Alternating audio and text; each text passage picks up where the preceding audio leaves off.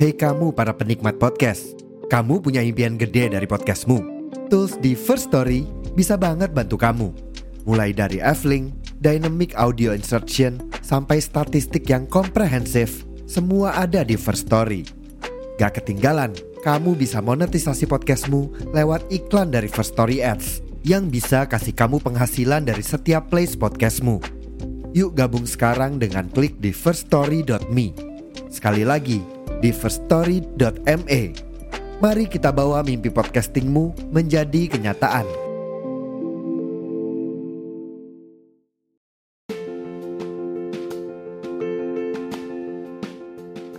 Buat yang penasaran, aku bikin podcast pakai aplikasi apa?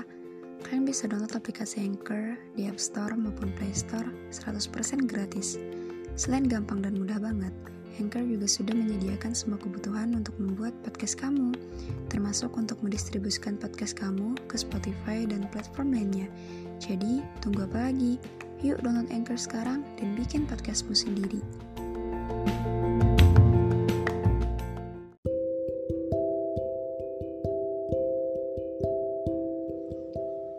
Kalau ditanya kenapa harus dia dan kenapa selalu dia, gue juga nggak tahu mau jawab apa. Gue nggak punya jawaban yang tepat untuk menggambarkan seberapa berharganya Aji di hidup gue. Aji, dia secara nggak langsung jadi penyemangat hidup gue. Terlepas dari hal-hal nggak menyenangkan yang mungkin pernah terjadi antara gue dan dia, Aji tetap jadi perihal terindah yang belum sempat gue miliki. Aji, makasih ya udah ngizinin gue buat kenal sama lo, jatuh cinta sama lo, ngerasa sayang sama lo bukan suatu penyesalan dalam hidup gue. Lo pantas dapetinnya. Ji, kalau sebelumnya gue minta lo buat jangan jatuh cinta sama gue di kehidupan selanjutnya, gue rasa itu adalah suatu kebohongan terbesar gue. Gue mau di kehidupan selanjutnya kita ketemu lagi sebagai dua orang yang takut kehilangan satu sama lain. Jadi Ji, let's meet again in another life as lovers who grow old together. Ada banyak banget wishlist yang mau gue lakuin bareng lo.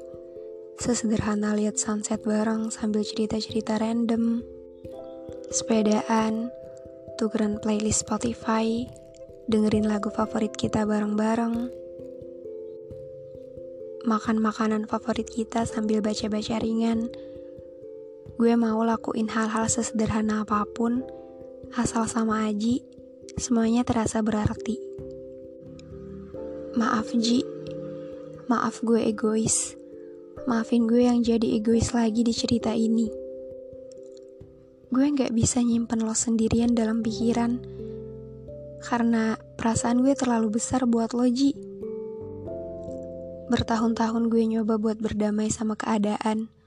Mencoba memulai hidup baru dan berusaha biasa-biasa aja tiap ada lo. Ternyata gak merubah apa pun. Bertahun-tahun gue coba nyimpen semuanya rapat-rapat, pura-pura move on, bahkan sampai kita bisa baik lagi kayak sekarang. Nggak pernah merubah sedikit pun arti lo di hidup gue. Perasaan gue tetap sama kayak pertama kali gue sadar gue suka sama Loji. Sadar bahwa kita bisa baik lagi kayak sekarang juga merluin keberanian dan perjuangan yang panjang. Gue mutusin buat berhenti. Bukan berhenti mencintai lo, tapi berhenti buat nunjukin perasaan gue.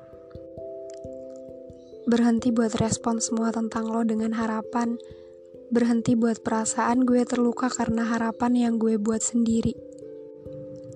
Sekarang gue cuma mau menikmati perasaan ini sendirian perasaan suka yang gue rasa sama lo sekarang gak mengharapkan apa-apa.